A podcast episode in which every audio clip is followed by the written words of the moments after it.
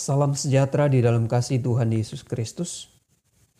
Renungan kita hari ini Kolose pasal 3 ayat 18 sampai ayat 25. Hai istri-istri, tunduklah kepada suamimu sebagaimana seharusnya di dalam Tuhan.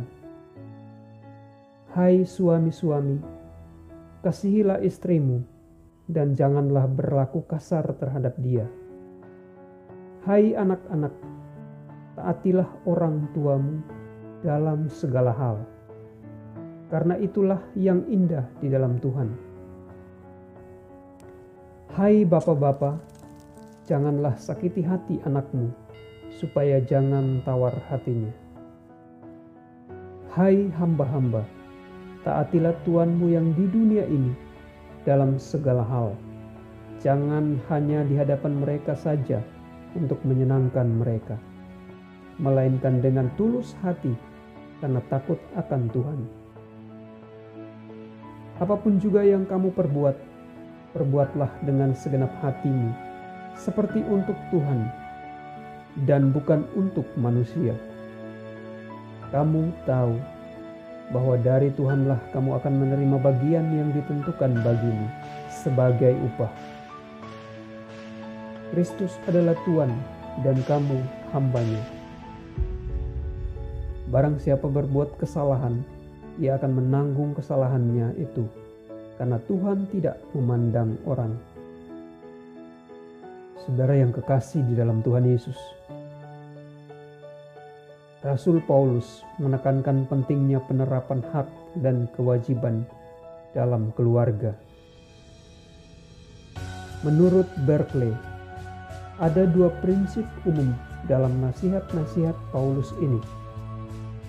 Yang pertama, etika Kristen merupakan kewajiban timbal balik. Ada kewajiban suami, ada kewajiban istri. Ada kewajiban orang tua, ada kewajiban anak. Suami memiliki kewajiban yang sama penting dengan kewajiban istri orang tua memiliki tugas yang sama mengikatnya dengan tugas anak. Sejatinya ini merupakan hal yang sama sekali baru.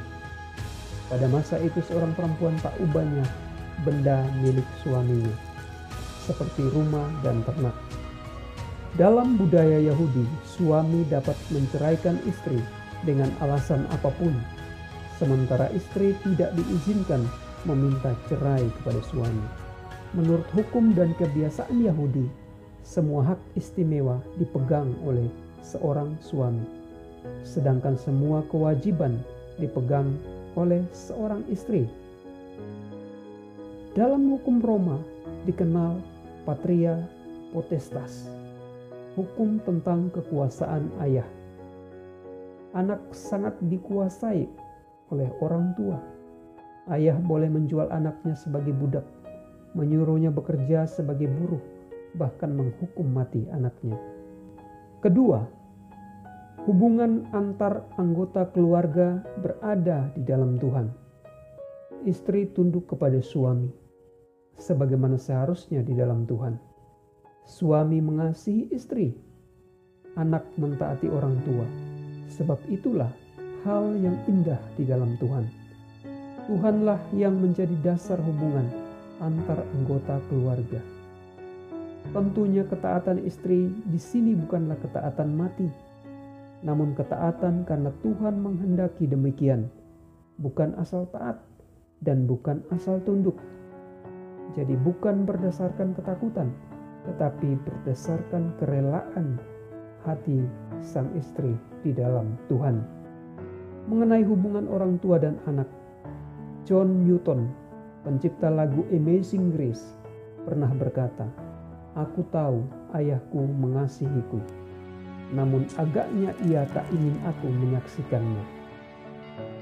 Kasih kepada anak perlu diperlihatkan. Jangan hanya asal disiplin.